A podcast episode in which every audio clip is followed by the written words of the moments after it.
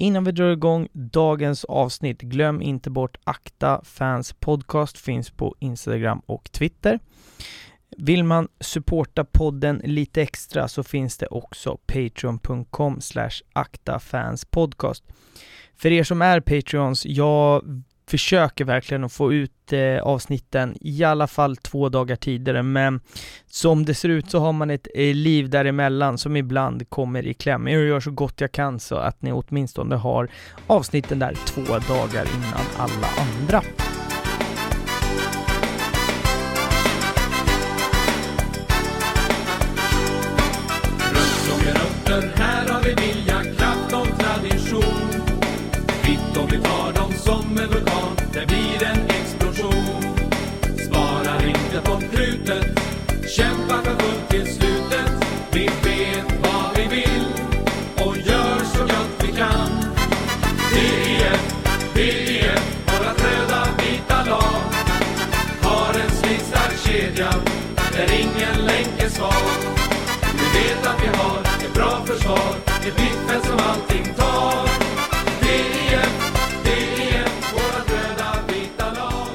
Degerfors, brukslaget från Stora Valla, som trots sin på många sätt litenhet är en klassisk och en stor klubb som fostrat flertalet landslagsspelare. Idag är man tillbaka i Allsvenskan och det med besked. Men det har varit några väldigt tuffa år. Det är inte allt för länge sedan man harvade i både division 1 och division 2. Och idag ska vi bland annat prata om den tiden.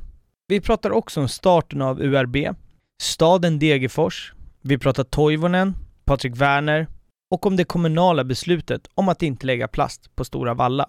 Det är många som frågat om Degerfors, så det är väl inte svårare än så att vi säger välkommen till Äkta Fans Podcast. Matto, Hej hej. hur är eh, läget med dig? Jo tack, det är bra. Det har varit fullt eh, ös här under dagen. Jag fick en, lite ved som jag ska bära in och så har jag fixat en minibuss till Kalmar på söndag och lite annat sånt där. Ja, Så det- fantastiskt skönt att fotbollen är tillbaka efter landslagsuppehållet här nu. Det känns eh, otroligt jäkla skönt faktiskt. Eh, vi ska väl säga det också för, eh, för sakens skull. Det är lite det är podddebut för dig här idag, så eh, vi ska, ska inte kasta på dig och säga att du är nervös, men eh, vi ska se lite hur det går. Och det brukar ju bli så när det är någon som poddar för första gången, att man har Ja men typ en svajig första, första tio minuter. Hur, hur känns det? Känner du dig taggad att podda så här? Eh, ja men det ska bli kul. Alltså, ja, jag har ju lyssnat på många av dina andra poddar, eller dina avsnitt. Mm. Och det har ju varit eh, väldigt intressanta allihopa faktiskt. Det, ja, tack så mycket. Nej, och jag, jag är väldigt glad att vi är tillbaka i, i Värmland. Det som har varit med de avsnitt jag har släppt tidigare har ju varit dels väldigt bra avsnitt och väldigt, väldigt uppskattade, så det ska bli kul att, att få vara tillbaka dit så att säga. Men jag vill ju veta hur du från liksom, hur ditt idrottsintresse och hur du hittar Degerfors från, från liksom första början. Så jag tänker att vi börjar och som vanligt att prata lite om din supporterresa. Berätta om, om den sådär från början. Eh, ja, först och främst så är ju inte jag från Degerfors, utan en annan bruksort i Värmland. Mm. Det fanns ju liksom, det var ju fotboll och bandy på den tiden också liksom. Kommunen hade tre bandylag så egentligen var det mest bandy min satsning var på. Och eh, på den tiden, då var, hade ju Baltiken fem, sex spelare, ledare i Baltic så att det blev ju ofta att man åkte dit och tittade liksom.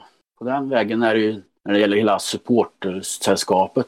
Sen, eh, sen kom ju Degerfors in lite, lite senare sen på höststarten 92. Okej. Då är det pappa som tog med mig med lite annat folk. Så jag kommer faktiskt inte ihåg, vi är också med. Men, ja, jag vet Men det blev ju att, eh, mycket bandy där i början. Du, du berättade innan här att du till och med har eh, fått uppleva en SM-final. Jag visste faktiskt inte, men du, skrev att den spelades på Söderstadion. För mig, alltså jag är ju bra mycket, eh, eller bra mycket, det är väl taskigt kanske, men jag är yngre än vad du är. Och så, för mig så har bandyfinaler alltid spelats på, mm, på studenterna, så jag vet, jag ville alltid följa med, men farsan sa alltid nej för att han gillade att dricka bärs när han var där. Sen, då fick inte jag riktigt eh, haka på, men Eh, vi, det måste vi ju bara ta lite kort. SM-final 89 på Söderstadion. Det är fan få som kan berätta. Ja, jag tror det var 89. Ja, jag tror det i alla fall. Det var sista på Söderstadion. Baltic hade Vetlanda där vi Sverige torskade.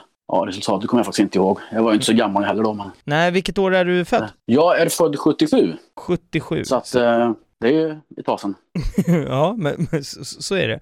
Och det, det, som ni kommer märka här under avsnittet är att, alltså som vi precis nämner, du är på Söderstadion 89, så att det, det, vi kommer ju prata om liksom saker som hände för 20-25 år sedan och lägger ganska mycket vikt där, för du, du är ju med i, i en viktig period i, i, i Degerfors liksom utveckling och av läktarkulturen egentligen. Så att det kommer vara mycket, mycket fokus där, men vi kommer också ta resan, eh, eller avsnittet till vars vi är i, i, idag med ett, liksom, ett nytt avancemang in i allsvenskan och allt vad, vad det innebär sådär. Men Degerfors, du är där första gången 92. Kommer du ihåg din första match? Ja, ja det jag kommer ihåg. Det var ju ja, Hammarby hemma. Det blir kryss. Jag är lite osäker på om det är 1-1 eller 2-2. Mm. Men, eh, ja, men det jag kommer ihåg mest från den matchen det är att båda supportergrupperna springer och jagar varandra fram och tillbaka. Jag tror det är två ordningsvakter på plats varav en är kvinnlig så det är ju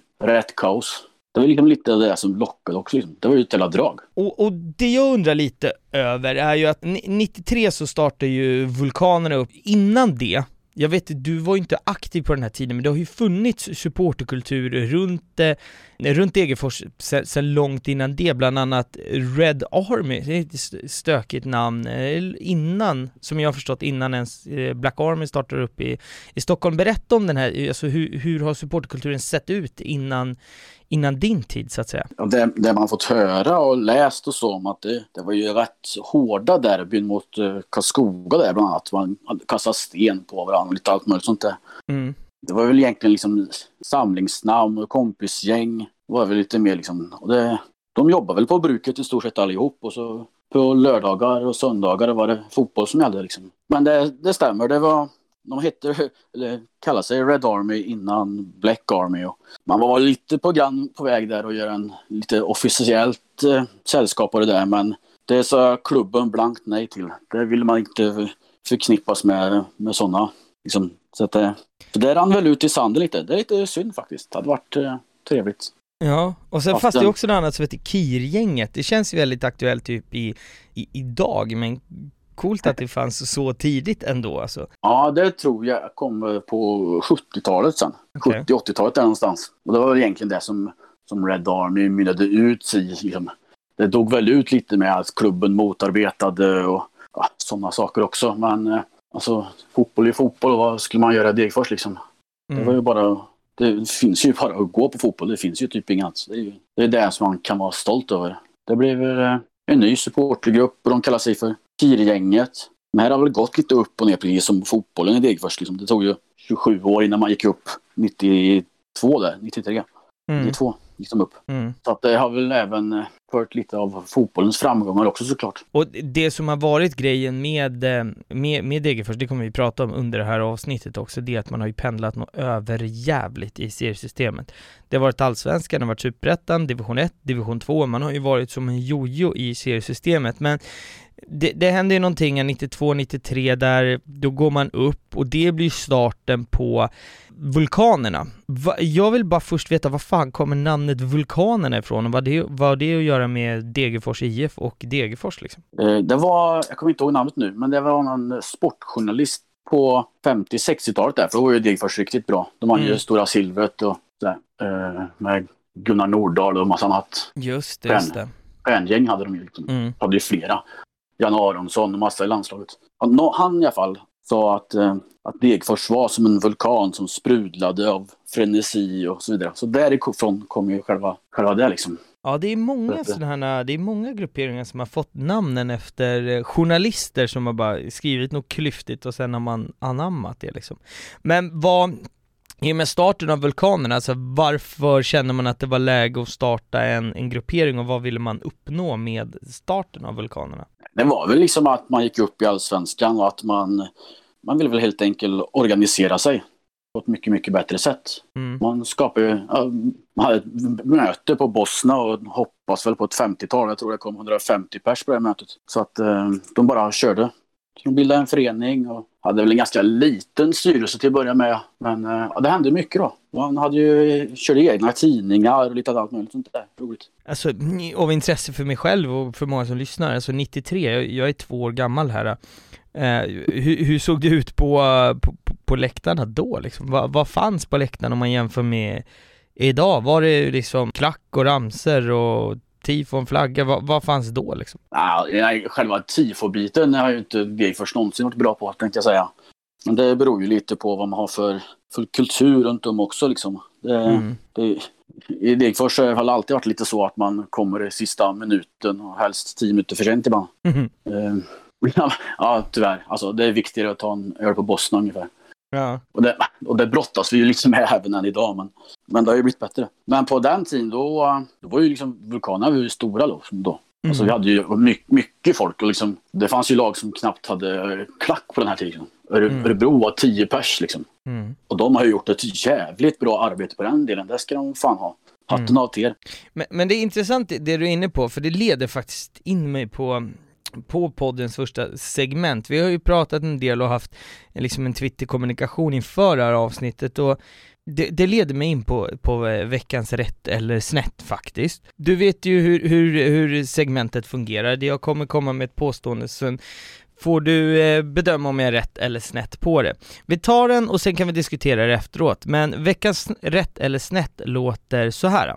Historiskt och även eh, i många fall idag så har det varit viktigare att dricka bärs än att faktiskt vara runt klubben? Rätt eller snett? Ja, det är lite klurigt för ja, förr i tiden så var ju nästan det där dricka liksom, det var liksom prio ett och fotbollen var det var bara en ursäkt mer eller mindre. Mm. Och det tycker jag att vi har kommit ifrån mer och mer. Det känns bra liksom. För det, mm.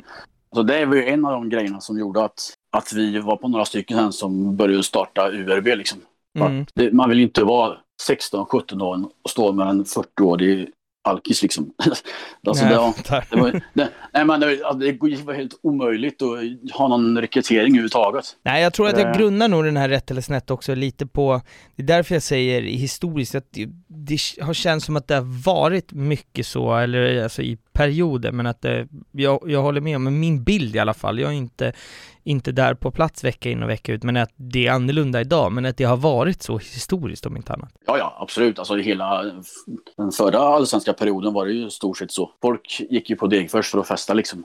Mm. Både hem, hemma och ja, framförallt borta liksom också. Så det, det har du rätt. Så, som jag nämnde, det har ju trillats ur och det har ju gått upp eh, historiskt sådär och 97 trillar man ur allsvenskan. 99 trillar man ur superettan och det här ger ju spel i division 2 eh, Ja. Vi, vi, ska komma in lite på, på den här eh, perioden, men först och främst bara en rak fråga, hur deppigt var det att spela division 2 liksom 2000? Det måste varit svindeppigt va? Ja, då var det ju direkt natta liksom. Alltså det, då var det ju inte roligt. Alltså, för det gick ju så fort och egentligen mm. laget vi har 97, det ska vi ju inte åka ur med för det är alldeles för bra. Men eh, så är fotbollen ibland. Mm. Och sen gick det ju käpprätt direkt.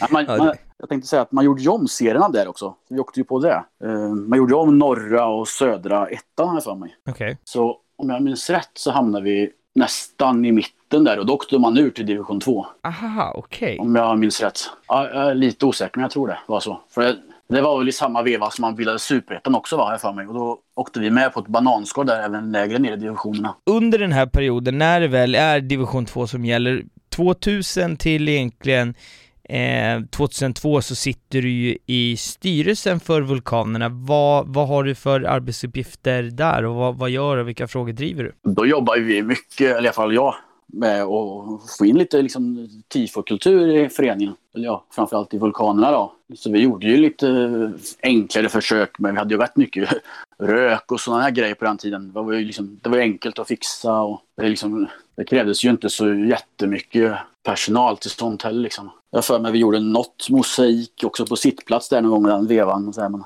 det har varit lite motigt på mm. den fronten. Ja, så, ja, satt ju i vanligt styrelsearbete om man säger. Hade du någon specifik, liksom, alltså någon position, så att du är resansvarig eller vice ordförande eller suppleant eller vad, vad hade du för titel? Nej, jag har ju varit, eh, var ju suppleant för det mesta där. Men sen, eh, alltså det fattas ju alltid någon, så vi var ju med på alla möten och sånt ändå liksom. Om inte jag var vice där ett tag också. Nej, det vågar jag inte svara på.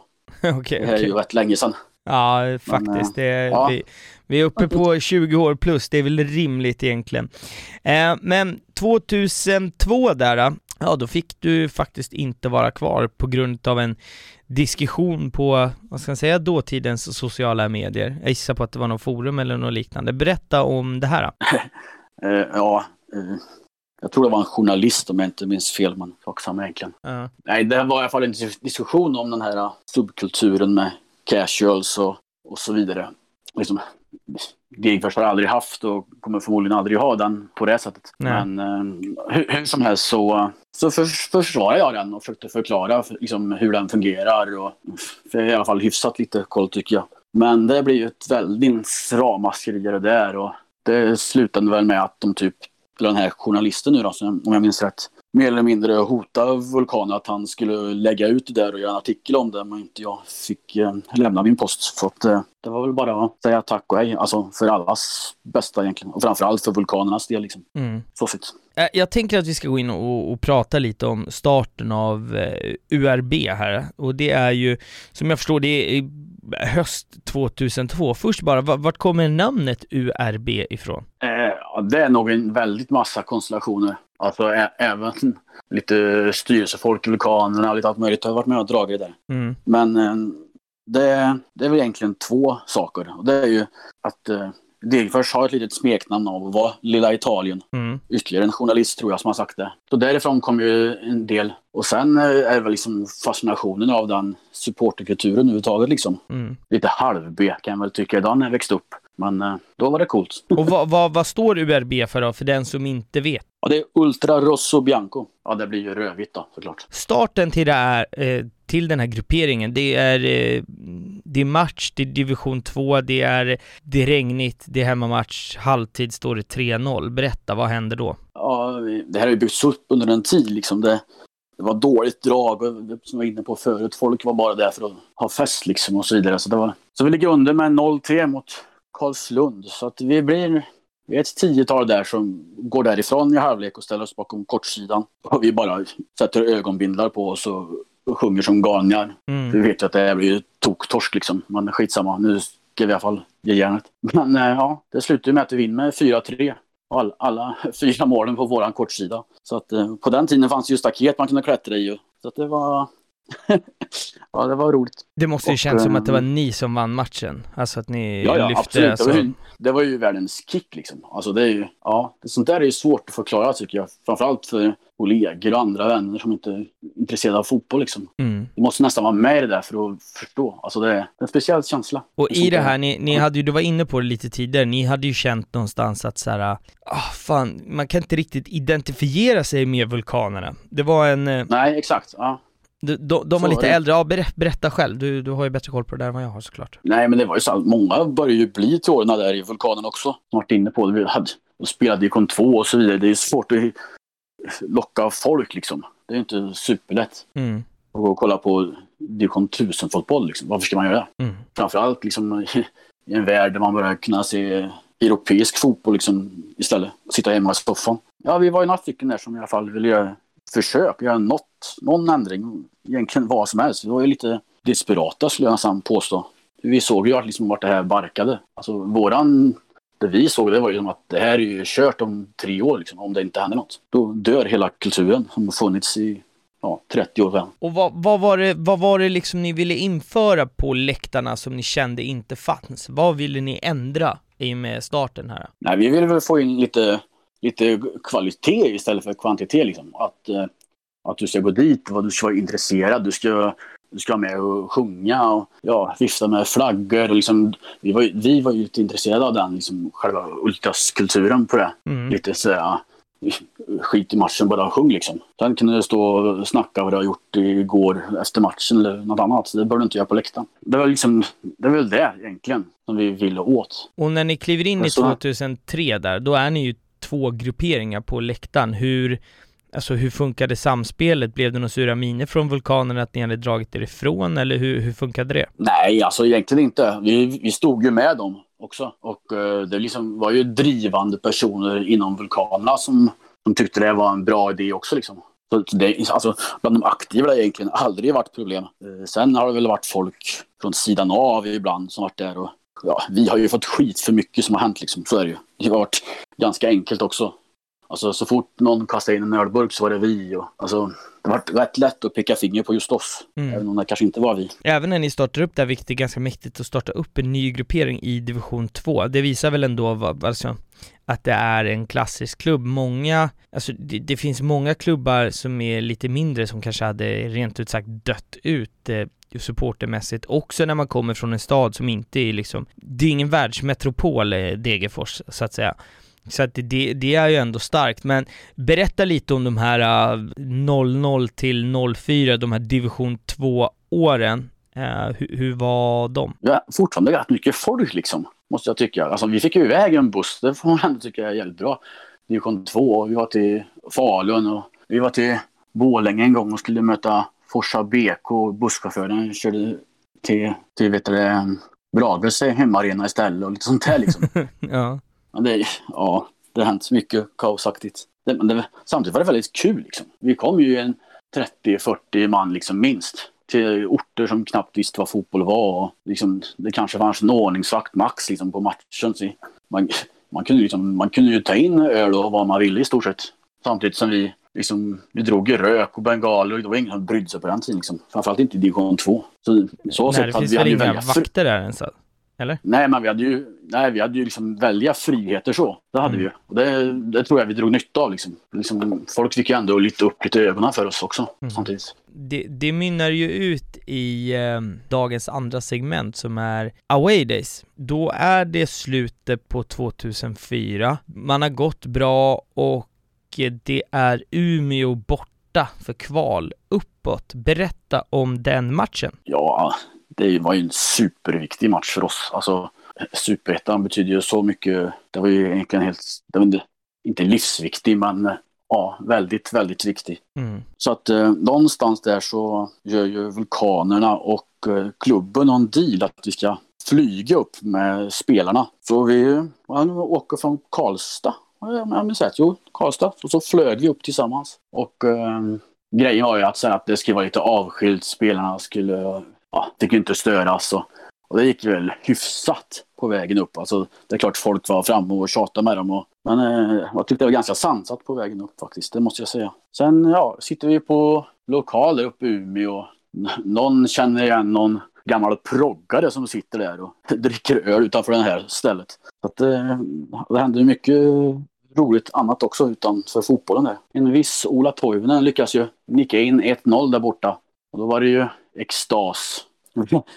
Flyget hem sen var det lite mer livat på, kan vi ju säga. Eh, berätta om den flygresan hem. Nej, alltså det, det gick ju inte att hålla isär liksom. Folk, folk hade ju givetvis druckit, men sen var de framförallt väldigt nöjda och glada. Och, så att eh, man gav egentligen upp det där ganska fort, tror jag. Att, att ha någon sorts av ja, barriär emellan. Det är ju en liten ort också, Degerfors. Alla känner alla och man känner spelare och ledare och, och vice versa. Då. De känner oss också. Så att det, jag tror inte någon spelare drack öl, det vill jag inte minnas, men det var ju livat. Det var det. Ja men snyggt. Sen har vi Landskrona 2013. Där drar ni två minibussar ner. Berätta om det här. Det blir lite stök med chaffisen här som jag förstått. Ja, på, alltså, här är ju vulkanerna på nedgång och har väl väldigt kämpigt som förening allt möjligt. Men vi är ju några killar som lyckas få ihop eh, två minibussar på vägen ner och ja, man åker ju runt och man har lite kalas längs vägen och någon, det är en chaufför där som du nämnde. Han, eh, det är någon som vi inte riktigt känner igen så där. Så någon kollar ju upp den här stackaren på Facebook. Eh, och så visar det sig att han gillade Sverigedemokraterna. Och det tog ju hus i helvete. Eh, en del var ju mindre glada än andra. Så det slutade med att vi stannar i Skövde tror jag. Och eh, ja, den här stackaren som förmodligen knappt tagit körkort från den här tiden. Han, eh, han blir konfronterad av ett par stycken och så, ja, han körde ju så vad fan skulle vi göra? Mm. Han, eh, han fick väl helt enkelt bara avfölja dem och köra oss vidare. Men eh, ja, det var väl inte superschysst gjort, det kan jag inte påstå. Alltså vi, vi har ju, jag vet inte vad mycket jag ska berätta om det, men vi är ju, vi har ju alltid haft lite en politisk hållning. Sen är ju inte, den är lite överdriven också, den är inte, det är inte så att alla är marxister liksom. Men vi har hållit och hållit oss till vänster nästan allihopa mer eller mindre. Ja, vi kommer komma att, in på det också. Det är också en intressant take i det hela som vi kommer landa i eh, faktiskt lite senare i, i, i mm. avsnittet. Men Ja, var, var det någonting mer med den här eh, resan till eh, Landskrona förresten som vi ska lägga till här i, i storyn? Eh, ja, vi, alltså väl nere i Landskrona sen så, så är det någon, eller en i alla fall, ena minibussen där som måste upp på toa. Så de, eh, vi kommer ifrån varandra lite, de här två bussarna. Ja, och sen har vi någon telefonkontakt och eh, vi har parkerat på olika delar av stan och den ena satt redan på någon krog, rätt så centralt. Så att vi ska ju gå och möta upp dem och så råkar vi, råkar, vi råkar gå över torget och utrusade en 30 i Landskrona. Vi var en 8-9 pers liksom. Ja. Eh, ja, det var någon jävla marknadsstånd där. Och det, var ju, ja, det blev lite, lite kaos där. Så det blev lite dans på torget. Mm. Eh, ja, det, det finns en del roliga saker där också. Jag tror de hade mest, några danskar med sig också om jag minns rätt. Och det står någon eh, längst bak i deras led och hajlar och sådana här grejer liksom. Att, vi bara skakar väl i huvudet typ. Men det är en liten rolig händelse. Sen får vi ju poliseskort till en utkant till en pizzeria. Vi sitter där och den andra chauffören som åkte i våran minibuss, han har också precis tagit körkort. Vad snälla vi är va? Låter alla yngre få köra. Eh, och han backar ju givetvis in han med en XC, XC70. Så han bara fort därifrån liksom. Fan. Och, det, ja. och polisen är inne och gör rannsakan säger man. De kollar hela bilen liksom. Ändå har vi i väskorna har vi ju bengaler och lite allt möjligt liksom. Men det, jag vet inte om de inte såg det eller om de bara sket i det faktiskt. Ja. Det, de måste ju nästan ha märkt det, för de var ju grävde överallt. Ja, de orkar väl inte skriva rapport antar jag.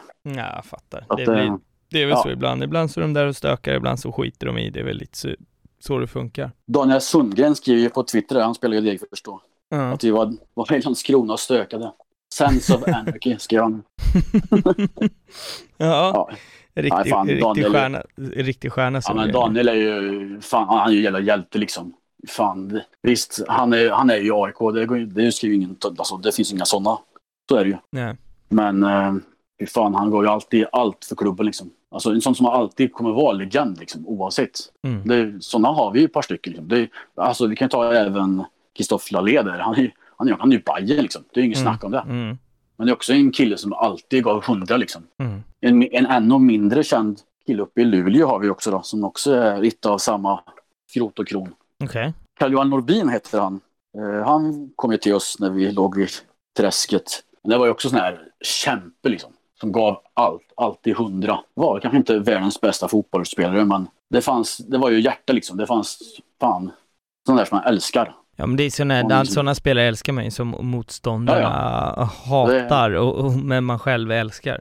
Det finns ju många, Jo, all- alla ja. lag har ju minst en sån. Ja, och det är, fan, det är så viktigt och skönt att ha också i en, i en, i en klubb så. Mm, mm. Eh, jag, jag tycker de är grymt underskattade sådana spelare.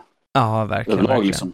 Mm. Med pådrivare och den behöver ju faktiskt inte vara världens bästa fotbollsspelare men det är en skön attityd. Absolut. Och Carl-Johan har ju lite kontakt med han. Han swishade pengar så vi skulle köpa öl för inför premiären i år. Lite sådär. Hans enda krav var att vi skulle köpa Norrlands guld. ja, Ja, stjärna. ja, Men absolut. du, jag vill höra lite om Varberg borta också. Den här verkar vara lite spännande. Det här var en rörig match. Berätta om den. Ja, nu är vi framme i 17 tror jag. Okej. Eh, Jag hade inga årtal på den här nämligen, men eh, ja, nej, 17. Nej, ja, men jag tror det är 17. Eh, då är vi två bussar ner och det är riktigt mycket för oss. Och eh, ja, vi åkte ju tidigt. Och ena bussen gick från Karlstad också om jag minns rätt. Så att, eh, i, i den var det ju lite stökigt redan när vi kom till Degerfors typ. Mm. Ja, det dracks eh, alldeles för mycket av många, inklusive mig, i den, den bussen. Det är lätt hänt när man är på bortamatch. Eh, fast det var väl lite overkill. Ja. Nej, och nere, nere i Varberg sen så sitter vi på lokal och vi marscherar till arenan och vi hoppar bengaler och såna här grejer. Liksom. Och det var ju inte jättekul, tyckte invånarna. Nej. Jag, jag, tror, jag tror någon butik där någon hade haft sönder någon kruka och ja, så det blev lite, lite polispådrag på det där också. Vi är inne på arenan där det är någon, kan jag säga då, som hoppar i den här uppblåsbara borg, här barn. Hoppborg heter det. Mm, mm. Och ja, det är allmänt överförfriskat där och vi får ju tyvärr stryk den här matchen. Vi är riktigt, riktigt dåliga. Ni hade någon Eh. Sverigeflagga med er också? Ja, just det, just det. Bra att du påminner mig. ja, just det. Den här, den här Sverigeflaggan har ju varit med förr liksom genom åren och vi har inte tyckt att det varit någon big deal med. Men det är alltså en stor, eh, en stor svensk flagga som det står kuken på. Eh, ja, givetvis associationer till en viss uh, känd konstnär. Mm. Och uh, den här blir ju polisanmäld. Så att det slutar ju med att det kommer polis och det kommer ordningsvakter och helt enkelt rycker, tar den här flaggan liksom. Mm. Så att det blir ju världens hullabaloo för det och det, det blir ju inget till slut liksom. Vad, vad ska de säga? Men, men någon tyckte ju att det där var för jävligt. Så gör man inte. Mm. Det kan man väl ha förståelse för också liksom. Det är ändå, det är ändå den svenska flaggan. Men vi, vi tyckte inte det var någon stor grej liksom. Och vi hade haft med den i flera år också. Så att eh, ja, man får väl respektera att andra tycker olika. Ja, Och sen- efter matchen där när, Ja, exakt. Det var dit jag skulle komma. Här blir det också jävligt rörigt efter matchen. Ja, alltså vi var ju ett bra följe och hade hållit igång. Så även om vi fick stryk där så skulle ju spelarna komma fram och tacka. Eh, vissa spelare där får lite glåpord på, mot sig och så vidare. Och det är väl framförallt eh, eh, Boris Lumbana. Han spelar ju i Gais nu mer. Mm. Och även varit med i Schlagerfestivalen om ni känner igen honom. Här, det, jag har inte kollat på får- schlagerfestivalen på många år, men ja, Nej, ja, men han var ju med och sjöng där i alla fall. Ja, okej. I samma veva. Jaha, okej, okej. Och det där, ja, man, ja. Eh, och det där hade väl också folk retat upp sig på liksom att han drog från Degerfors för att vara med på det där. Mm. Så Han missade ju någon match på grund av det där också. Så att det var väl lite samlat. Men ja, tyckte att han inte var värdig matchtröjan och, och så vidare. Och det fanns väl en del spelare som försökte lugna ner det, men det, det slutar ju med att Boris drar av sig tröjan och kastar den liksom. Så att det, det blir det ju också hulabaloo om liksom på vägen, ja inte på vägen hem, men efteråt liksom. Mm. Så att, eh, och återigen då så var det givetvis URB som hade stått för det. Fast den gången kanske var det. Mm.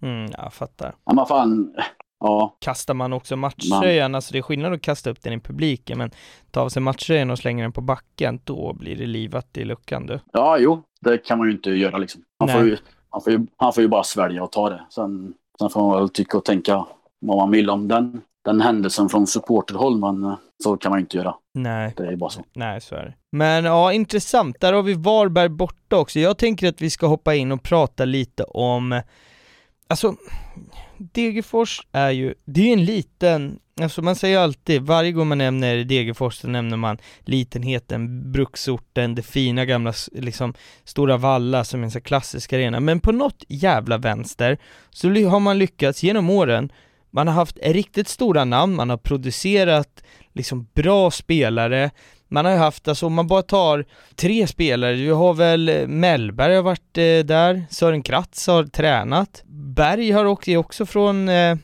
eh, Degerfors, eller hur? Marcus. Ja. Marcus? Ja. Nej, han är från Torsby han, han är ju värmlänning. Ja, värmlänning. Ja, just det. Men Toivonen är ju från Degerfors, just det, så är det. Ja. Berg och Toivonen spelade ju i, vad heter det, stadslag tillsammans. Alltså de är lika Eh, ja, de gamla. spelar ju Värmlandslaget. Spelar. Ja, just det. Helt rätt. Så att de har ju hållit ihop, ja, hur länge som helst egentligen. Ja, precis. Men jag tänker att vi ska stå in lite på familjen Toivonen för att när man hör det efternamnet så tänker ju alla utifrån Sverige, man tänker på Ola Toivonen som idag spelar i i Malmö, som har spelat landslaget så länge, men han har ju dels en brorsa som har lirat hos er i x antal år och- Ja, stängt in mål också va? absolut. Han är ju riktigt, riktigt... Eh, han var tung forward. Han, han, jag tror han gjorde tre av de här fyra målen som vi pratade om mot Karlslund faktiskt. Ja, i den matchen URB, URB startas alltså. Ja, ja, jag tror han gör tre av de fyra. I alla fall gör han det sista där, som blir avgörande. Mm. Ja, absolut. Um, Ola var väl lite mindre, mer teknisk än en storebror där, men eh, ja, han har verkligen gjort avtryck i Degerfors också. Det ska vi inte sticka under stolen med. Nej, och sen har du ju även farsan, vad heter han? han Yrjo. Yrjo, Yrjo, så är det. Mm. Eh, ha- han har ju också varit, funnits med runt klubben, han har väl gjort lite allt möjligt i klubben, alltså men, men funnits, alltså, som jag fattar lite i bakgrunden, eller berätta vad, vad han gjort inom Ja, klubben? han har ju suttit som ordförande också. Så han har ju i allra högsta grad varit med i klubben. Liksom. Ja. Ja, förmodligen så länge han har levt, tänkte jag säga. Men Jo men jag vet att han alltid har funnits med runt klubben, jag visste faktiskt inte att han Ja, har varit jo, ordförande, jag trodde han hade mer varit Nej. lite såhär skuggfigur i, ja men lite i kulisserna och funnits med och varit här, ja men typ eh, Degerfors starka man eh, på ett sätt, men lite i skuggorna, men då, hade, Mm. då var det jag som nej, hade absolut fel. inte. Nej, han, han var ordförande där i, i flera år faktiskt. Även under den här allsvenska perioden.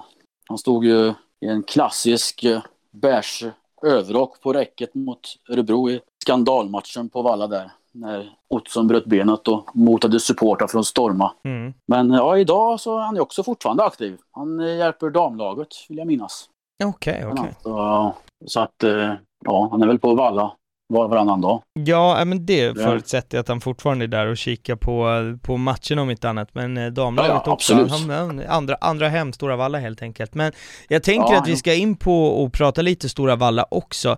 Det är, jag har faktiskt aldrig fått, fått chansen att vara där, eller aldrig tagit chansen att, att, att vara där. Nu har ju AIK och Degerfors många år spelat i olika, olika serier sådär, men eh, be, berätta lite om, om Stora Valla, en klassisk fotbollsarena. Eh, Ja, jo det är det. Den har ju också funnits väldigt länge, länge. Jag är lite osäker på årtal där, men det är ju, det är ju ofantligt länge. Om man nu ser sig, och som idag med alla moderna arenor och så här, så att vi, alltså vi, det är också något som vi har tagit med klubben, att vi, att vi verkligen vill att eh, den ska spela på gräs och att den ska få heta Stora Valla också liksom. För det är ju sånt som varit på, tapeten. Mm. Och även om det egentligen är kommun som har eh, sista ord sagt där så, ja, aktuellt då så har det i alla fall tagit beslut på att det ska bli gräs även i fortsättningen. Så det, det är ju jättepositivt. Det Verkligen.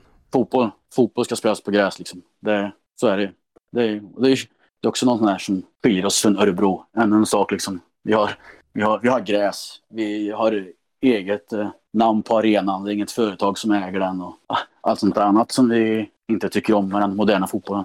Mm, mm. Och framförallt den är liksom eh, rivalen Örebro, liksom, det gillar ju inte med någonting.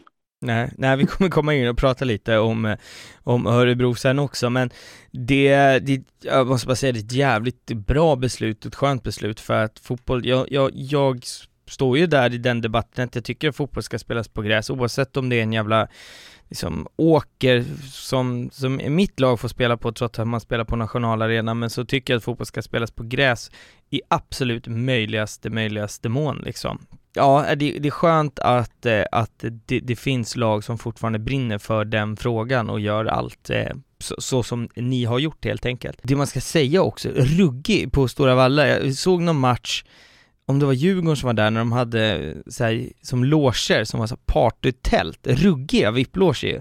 De har smält upp så här vanliga, eh, alltså vanliga partytält som man köper typ på Rusta så här. och så kunde man köpa liksom helrör och grejer där inne. Sjukt ju. Ja, ja, ja. Du kan, du kan, på menyn finns det att du kan köpa en hel backöl liksom.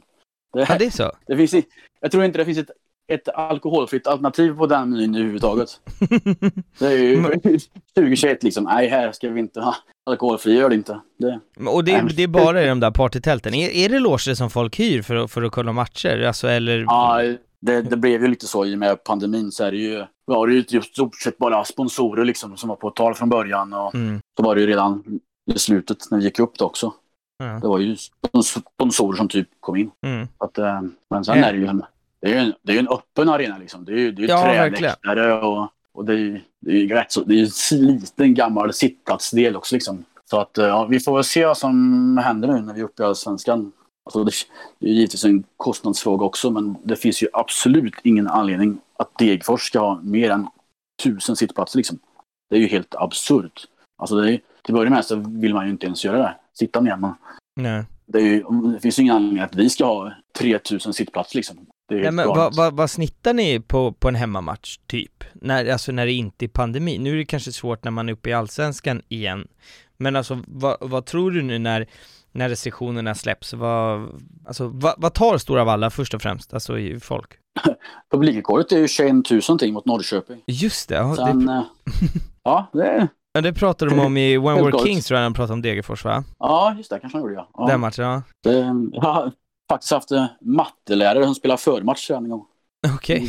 Annex, en anekdot. Ja. Men eh, eh, ja, sen bantar man ju den där så 93 när vi var uppe då så tror jag man tog in 15 000 mot, eh, mot Parma i cupvinnarcupen. Mm. Fast eh, det var nog betydligt mycket mer folk om man nu tittar på bilderna. Ja. Men, Men idag vad tar det liksom tar en vanlig dag idag? Ja, den tar in eh, sju och ett halvt idag tror jag. Sju och ett halvt, ja. Ja, Och var tror ni ni Eh, kommer och- ligga när, när, när allting är släppt efter, ja, 29 Alltså, september blir det nu? ja det är supersvårt att gissa. Eh, sist vi var uppe så låg jag väl runt en 5 000 tror jag. Ja. Men eh, man har ju hållit två och ett halvt, 2000 någonstans där nästan hela tiden liksom. Mm. Även i lägre divisionerna. Ja men det är väl som du sa där i början att det, det är det som, alltså med all respekt till stan, men det är det som är, som man kan göra som är kul och som sticker ut lite när man bor i Degerfors kanske. Ja, ja, absolut. Alltså, ja, det finns ju folk som, alltså, vi har ju tappat generationer i och med att vi spelar division 2 liksom. Mm. Men det, det finns ju ändå, det finns ju ändå liksom Degerforsare som håller på storstadslag liksom. Det är ju, ja, i min värld, för jag förstår inte det. De går ju ändå liksom på Degerforsmatcher, men de är ju inte aktiva så. Men de kan åka till Örebro liksom så på borta sektionen och heja på AIK. Det går bra. Ja, det är lite... Ja, men det är väl ett fenomen som finns eh, runt om i, eh, ja, i hela Sverige. Det, jag märker Ja, det mer absolut, och mer ju, ju. mer jag poddar liksom. Jo, jo, så är det ju. Men man tycker ju ändå liksom en, en, en ort som ja, nästan bara förknippas med fotboll så är det ju helt galet. Men det har väl blivit så, Ja. precis som du säger, i och med att eh, den kräftgången som man har haft sportsligt. Vi får ju se vad som händer framåt sådär. Men 2012 där, då, så har ni Mm. en bojkott eh, på grund av Ja. att klubben anmäler individer på en träningsmatch. Ber- Berätta om den här händelsen och vad, vad det är som eh, händer. Eh, ja, säkert i... Jag minns att det var snö i alla fall, så jag tror det var februari, mars. Det kanske var första, första träningsmatchen mot Karlstad United om jag minns rätt. Ja, sak samma. Mm. Ja, vi är ju där och hejar lite och vi, där tänds några rök och bengaler och sånt där. Och det, det slutar ju med att eh, domaren, tror jag, gör en anmälan på det där. Så det hamnar ju på förbundets bord. Ja, Degerfors helt enkelt får böter för det där. Mm. Då har vi, har vi eh, möte med eh, föreningen i olika omgångar. Och det, vi säger ju till och med att liksom, vi kan betala de här böterna. Men då vill ni att, att ni, att ni liksom försöker att liksom, berätta er del. Och ni, liksom, ni ska inte bara köpa det här rakt av utan man ska bestrida den liksom, helt enkelt. Det, liksom, då gör, gör ni det och ändå får böter så kommer vi betala. Mm. Men eh, efter lite eh, löften hit och dit så slutar vi med att det dimper ner en, polis, en polisanmälan mot, eh, ja, mot mig och eh, NT. Och där är det, det är alltså säkerhetsvakter och så vidare som tycker sig se att jag gör ditten och datten. Och det är ju liksom, det, det kommer, ju- de, lägger ju ner det där till slut. Men vi som supportrar kände så jävligt svikna liksom. Eh, Så folk tappar ju sugen helt och hållet. Så vi, vi beslutade oss för att, att bojkotta hela säsongen. Och det där försöker ju klubben liksom mörka att det där, de är inte så många, det kommer inte märkas. Och det var ju helt tyst på Valla liksom. Vi fick ju med oss alltså, många av de aktiva vulkanerna också på den här. Mm. De tyckte ju att de, att de hade liksom betett sig för jävligt och det, det gjorde de ju också. Men det var egentligen Men- alla, alltså det var URB och eh, Vulkanerna då som, som bojkottade, eller var det bara URB? Ja, URB bojkottade. Sen var det ju individer liksom i vulkanerna som också gjorde det liksom. Mm. Det fanns ju, fanns ju en liten, liten klack liksom, men det var ju nästan knäpptyst. Alltså, vi gick ju på matcherna och så, men vi stod ju lite utspridda och var ju inte aktiva liksom, på det sättet. Nej. Så att eh, det var ju massa skriverier i lokalpresser och allt möjligt om det där. Och det slutade ju med att liksom både spelare och ledare bad oss att att komma tillbaka liksom. Men nej, vi höll fast vid det här beslutet. För det, det tycker jag faktiskt att vi gjorde rätt i. Det var, nej, det var inte kul. Det var Mm. jävligt grisigt gjort liksom. Vad fan. Det har ju borde varit att bestrida den där så har vi betalat. Vad hade varit problemet? Mm. Jag vet inte riktigt vad som vad det blev skit av för liksom. Man, man vill ju vara lite inställsam mot föreningen eller mot eh, förbundet antar jag. Ja, men Det har varit lite Och i, i den här vevan så, ni är ju nära på att lägga ner. Här, här försöker man liksom hitta motivationen, så ska vi fortsätta köra? Är det, är det värt det?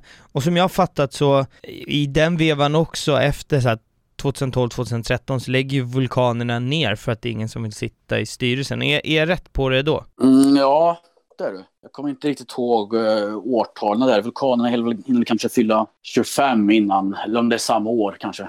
Mm, Någonstans 13-14 där. mm, Då lägger de ner sin verksamhet för det finns inget folk till styrelse och styrelsearbetare och, och uh, bussresor och sånt där. Det, är ingen som vill ta på sig det. Så, som förening försvinner man ju, tyvärr. Mm, Och, eh, men det fanns ju fortfarande liksom aktiva supportrar så. Men här, eh, här försvinner ju framförallt bortaresande liksom, organiserat. Och det, då, då var det ju liksom, det var ju nästan bara vi, alltså för URB där ett tag. Alltså det fanns väl några andra också som åkte, snedåkte bilar och så. Men då var det ju riktigt, riktigt tufft faktiskt. Alltså Mm. på så många plan. Vi, liksom, vi var få till antal och vi var ju motarbetade klubben och och det var ju mycket liksom som, som gjorde att fan, ska vi skita det här liksom? Alltså vi, vi, vi, vi, vi kommer ju fortfarande gå på fotbollen liksom, men, men som grupp liksom, Mm, mm. strunt i det. Men det, det finns ju någonting i, i Värmland, vi har varit inne på det tidigare och vi började det här avsnittet och när du berättade att liksom din, dina första sportsliga steg tar du ju på liksom tillsammans med Baltic och det finns ju någonting i Värmland där, alltså vi har ju Färjestad, Baltic, BIK och sen Degerfors. Eh, att man liksom, man går på varandras eh, matcher. Det vi pratade om i Baltic-avsnittet var ju att man det, där har man gått ihop och boxats tillsammans under Värmlandsalliansen. men berätta lite om det här att så här, eh, varför går man på varandras matcher? För jag kan ju bara tänka att det är människor som bor någorlunda nära varandra, alltså geografiskt, det är lite samma skrot och korn, sen har man hockey som favoritsport, eller bandy eller fotboll, men att man umgås och går på matcher tillsammans, eller hur, hur funkar det där? Eh, ja, alltså ho- hockeyn där, BIK det är ju Bofors, Mm. någon undrar det. Så, Mm, mm, eh, som är ishockey och eh, Färjestad som är ishockey. Och de är väl egentligen inte jättevänner och aldrig varit. nej, Sen har det väl, sen har det väl kanske blivit bättre. Jag är faktiskt väldigt dåligt insatt i den delen, måste jag säga. Mm, Vi är ju ett par stycken som går på, ja, några går ju på Färjestad också. Men framförallt på Baltic och, eh, och Degerfors då. Och det, alltså det, det har väl varit lite, det är ju olika, det är inte, Baltic har ju ingen fotbollssektion till exempel och så vidare. Det har ju aldrig varit några motsättningar så. Och så har det ju liksom bara, det, är- det är väl jag som har dragit en del stycken där. Det ska jag kanske inte sticka under stolen med men. Eh, I och med att jag har varit intresserad av, av Baltic och bor i Karlstad och åker till Degerfors så, så blir det att man skapar ju kontakter och annat folk som går på Baltic hänger med på Degerforsmatcher och vice versa. mm, Så eh, ja, på, på den vägen är det ju. Mm. Sen att det där eh, med eh, ut i, Värmlandsalliansen där 04 under, ja vad fan är det, 11 månader eller något mm. i olika konstellationer. Det blev väl liksom en liten naturlig del tror jag. Men det finns ju Mm. fortfarande, alltså min bild, nu, nu får ju du svara för det här vet ju du bättre, men det finns ju en händelse, vi, vi vi är på väg in dit, vi ska dit snart, men det här som, just rivaliteten med Örebro och, och sådär, och sen var ju de nere på Stora Valla och, och, och sprayade och, och, förstörde eh, arenan lite grann dagen innan, jag tror Mm. det var dagen innan ni skulle lira mot varandra. Och då var det ju Ja. en, en grupp med, med, ja men C-folk egentligen samlat från olika klubbarna i, i Värmland, så som jag förstår, som, som åkte till Stora Valla den dagen för att, ja men typ, svara upp och stå upp för sin arena. Är, är rätt på det då? Ja, så är det ju. Alltså, det går ju några år här. Folk eh, går och åker med varandra. Det finns individer som eh, ja, är med i den scenen också liksom. Mm. på båda sidor. Men sen går det några år och sen är det väl egentligen eh, Baltics och Bofors yngre som har tagit upp det här igen. Mm. Och det är väl egentligen på den vägen. Och det, det är väl roligt tycker jag. Alltså, det... man får ju som sagt vara tycka och tänka vad man vill om det. Men alltså, jag har absolut inga problem med likasinnade vill boxas liksom. Det har jag inga problem med. Nej. Sen, eh, sen tycker jag personligen att den eh, har utvecklats någonting helt annat idag mot vad den var förr. Liksom. Förr var det ju musik och kläder och idag är det liksom mysbyxor i skogen. Ja. Det är väl inte riktigt min, min grej. Men Ja, jag fattar. Eh, sen har jag liksom all, berätta, all, all cred liksom till de som kör. Jag känner ju, jag vet ju vilka de är och då liksom, jag känner dem ju. Eh, sen berättar du någonting eh, lite roligt i O'Larrys i Karlstad, de har en egen eh, Degerfors-hörna på, jag antar då att det är på när Degerfors spelar borta, men som finns, och det finns även en i, eh, en i Örebro som är liksom en, en rödvit hörna. Berätta om det här, är det inrätt liksom i, i rödvitt eller är det bara ni som har bestämt att här, här sitter vi på matcherna eller hur funkar det? Ja, i Örebro där vet jag inte. Jag vet att, eh, inte riktigt hur den ser ut där, men sägs i alla fall enligt O'Larrys själva att de har ett 30-tal där och det är lite, det är lite kul att de har en egen, en egen drive i Örebro. Mm. Sen det här i Karlstad, det växte väl egentligen upp under superettan nu när det var pandemi och så det var ju både hemma och borta. Så att, Mm. eh, matcherna mot Jönköping där och Halmstad var ju liksom 100 pers. Så att det, Mm. liksom, det finns ju ett väldigt stort intresse även i Karlstad liksom för Degerfors. Det. Men den är, den är inte inredd liksom så i, i färger utan det är ju O'Larrys själva som kallar den Degerforshörnan och då Ah, startar okej. en drive med det där. Ja, Sen eh, i och med att Vulkanerna igen finns som förening så har ju de även utökat det samarbetet mellan de har med O'Larrys. Och vi ska hoppa in lite på det här och prata om just den här, vi har varit inne, har nämnt Örebro flera gånger och rivaliteten där och jag var lite osäker på hur, hur, alltså hur det var för att, men, och jag frågade det innan, man, alltså Degerfors ligger i Värmland, men Degerfors som stad tillhör Örebros län, visst var det så? Ja, Ja. man Så ligger i Örebro blir ju- landskapet Värmland. Eller, eller landskapet, så att Örebro Mm. blir ju, vad fan ska man säga, huvudstad typ. Men man känner från Degerfors att man, man har ingenting att göra med, med Örebro. Alltså man är mer åt, liksom man känner sig mer hemma i Karlstad. Är jag rätt på det då? Eh, ja, i alla fall som värmlänning liksom. Så är det ju.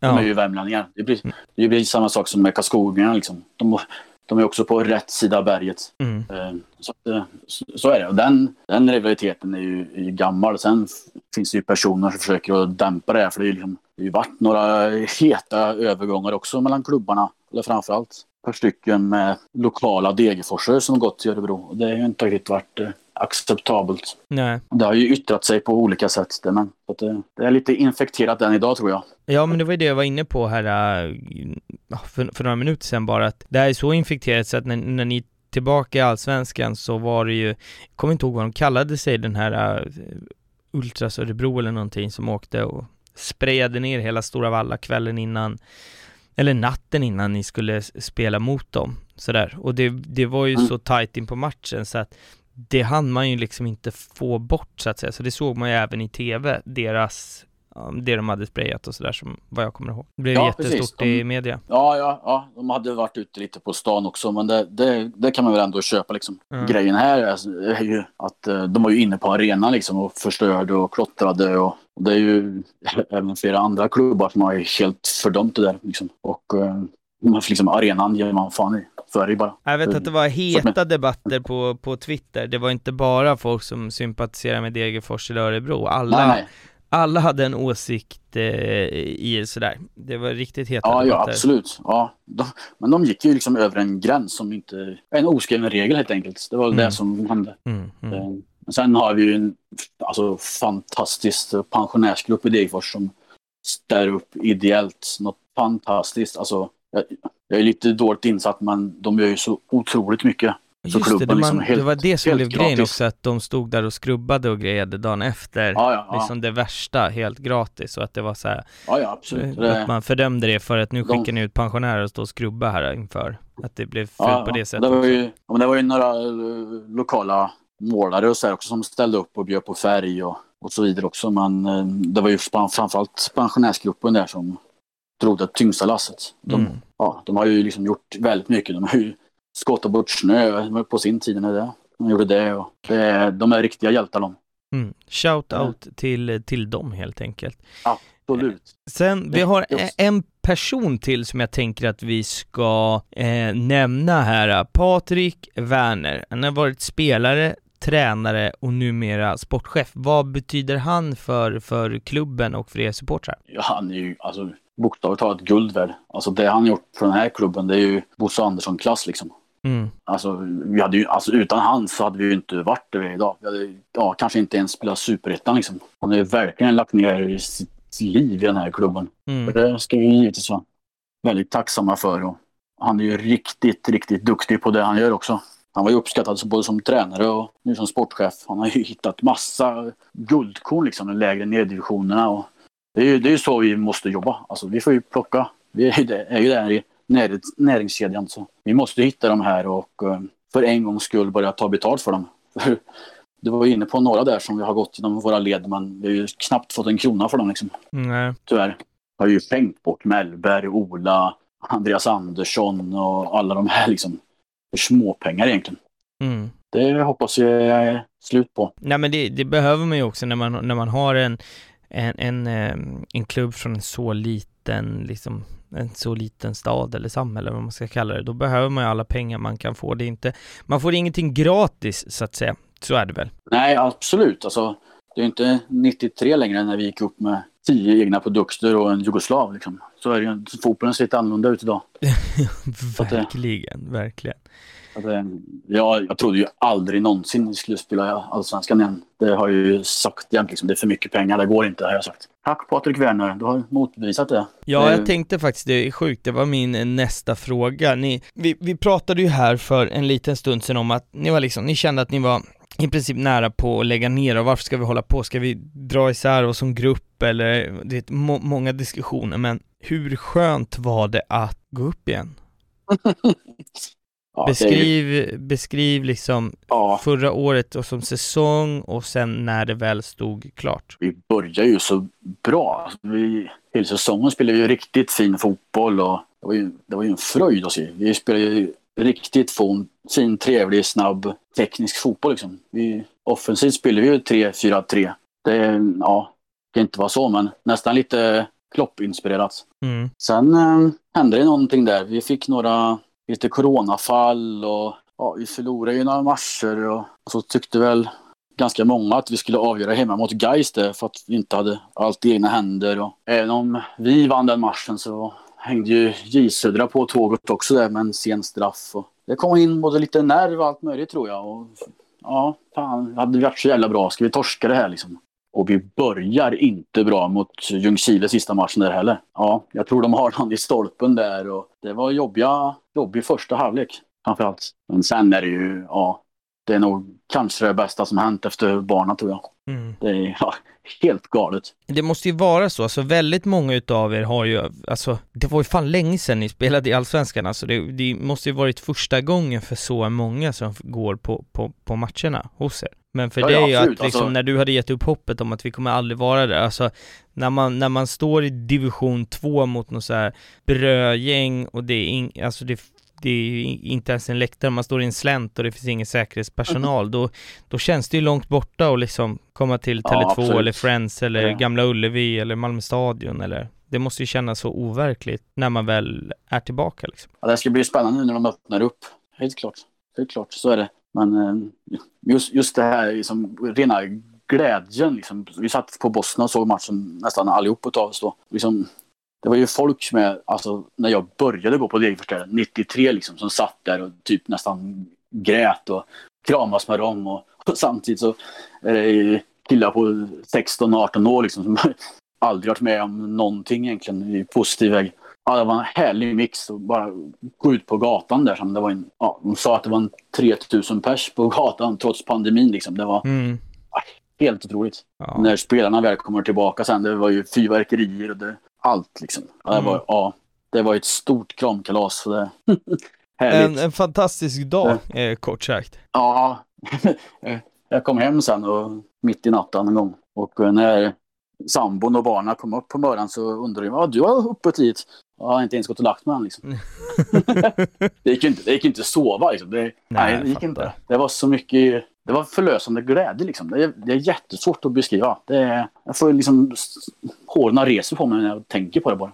Mm. Det, alltså den resan, den, som, alltså ner i division 2 och allt man har varit med om. i- Det har ju inte varit en dans på rosor precis. Liksom. Varken för oss som supportskap eller, eller klubben i sig. Den har ju varit nära konkurs ett par gånger också och sånt där. Liksom. Du, vi har eh, haft ett fint samtal tillsammans. Jag, eh, innan vi har sista frågan här i podden, är det någonting som eh, du känner att vi har missat eller som du vill lägga till och sådär? Ja, jag vet inte, det kanske är om någon är intresserad av lite mer, liksom, alltså vi kanske, kanske är den enda liksom, som har en politisk vridning i, supportersverige på det, det, sättet. det missade jag, men det, det kan vi faktiskt eh, ta. Ni har ju haft lite så här dötta tågstrejker och lite sådär. Berätta hur det har, eh, alltså hur det har tätt sig på, på era läktare och så vidare. Ja, från början då så var vi ju några som var med i, eh, i RKU, det är ju liksom, det är ju kommunisternas ungdomsförbund. Mm. Så de vill väl egentligen sätta sin prägel på det där också.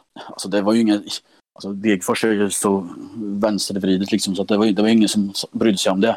Om det kom upp en flagga med Lenin liksom, till exempel, på läktaren. Så att, så sett har det ju aldrig varit något problem liksom, från våra aktiva medlemmar. Eller, det, är ju, det är ju andra som har stört sig riktigt rejält på det här och det har väl bara gjort att vi har, har sett på ännu mer, liksom, gjort en grej av det. Ja, 05 där mot AIK, då, på Råsunda, Mm. det är ju serie- seriepremiär. Då kommer det ju upp tre stycken, Hammaren och Stjärnan. och det var ju ett ramaskri då på dåtidens Ultraskanalen hette det där. Det var faktiskt någon aik där som jag har lagt på minnet som skrev att vad fan, finns, är det något lag liksom som ska göra det här så är det ju Degerfors och att folk bryr sig det är ju bara att ni ska köra ännu vidare. Så det, är liksom, det, det är ju sådana grejer som vi tog med oss. Liksom. Det är ju ett sätt att sticka ut också. Mm. Sen har det ju, det var ju ett aktivt val vi gjorde liksom att, att, att ha den bilden och eh, att vi sen har tappat folk på det, det är ju helt klart. Vi har ju haft folk som sagt nej jag kan inte gå med för jag är inte påläst politiker liksom. Det, det var ju lite överdrivet. Så är det ju inte riktigt. Eh, men sen om vi nu kommer in på de här tågstrejkerna, det som vi har haft liksom politiskt aktiva och folk i fackföreningar och, och så. Så det är ju självklart avspelat. Liksom, Läktaren är ju en del av samhället. Alltså, det är ju ingen politisk frizon som en del tror. Alltså, så är det ju. Nej men det är in Alltså- intressant att du säger det för att alltså, alltså min bild av, som är uppväxt med fotbollen är att fotboll och po- politik inte hörs, hör ihop överhuvudtaget. Alltså, skulle jag komma med en, en, ett politiskt budskap oavsett om det var höger, vänster, upp eller ner, då hade jag blivit utskickad med huvudet före, liksom på våra läktare. Och så har det ju varit alltid. Va, alltså, och det är väl en, eh, i, i, alltså mitt tycke, eller sådär är det en oskriven regel, men det är ingenting som man tänker på överhuvudtaget i Degerfors eller? Nej, alltså, det är ju klart att det kommer diskussioner ibland liksom. Men det är ju bland de aktiva som jag varit inne på förut. Liksom. Det har ju aldrig varit något problem egentligen. Jag tror Vänsterpartiet tog bort eh, sin hammare och skären 0203 där från sin partilokal liksom.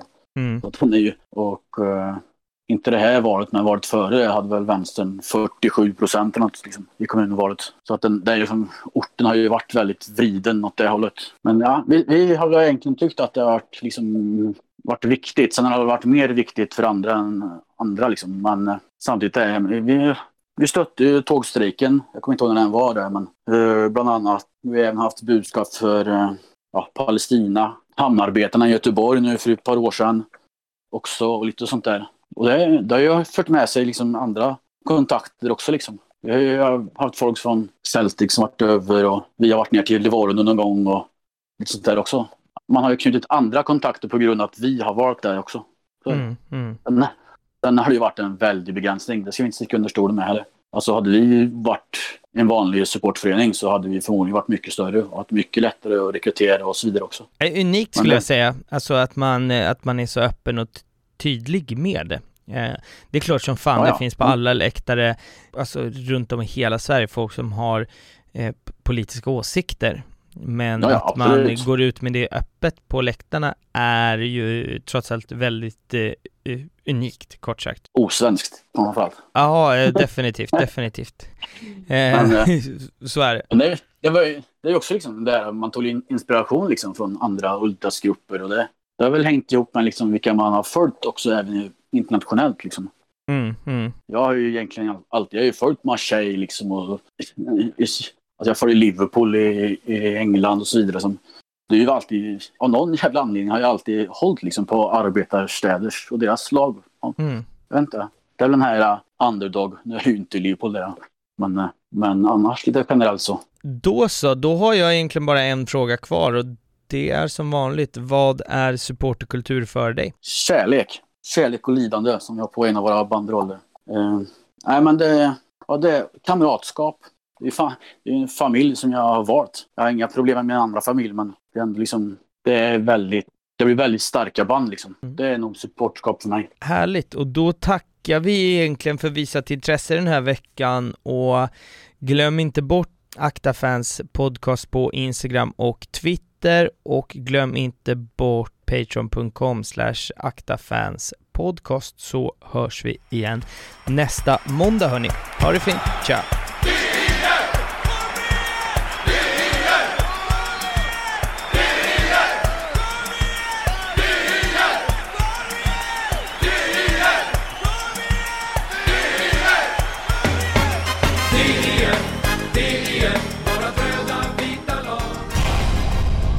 Samarbete med Esen Studio.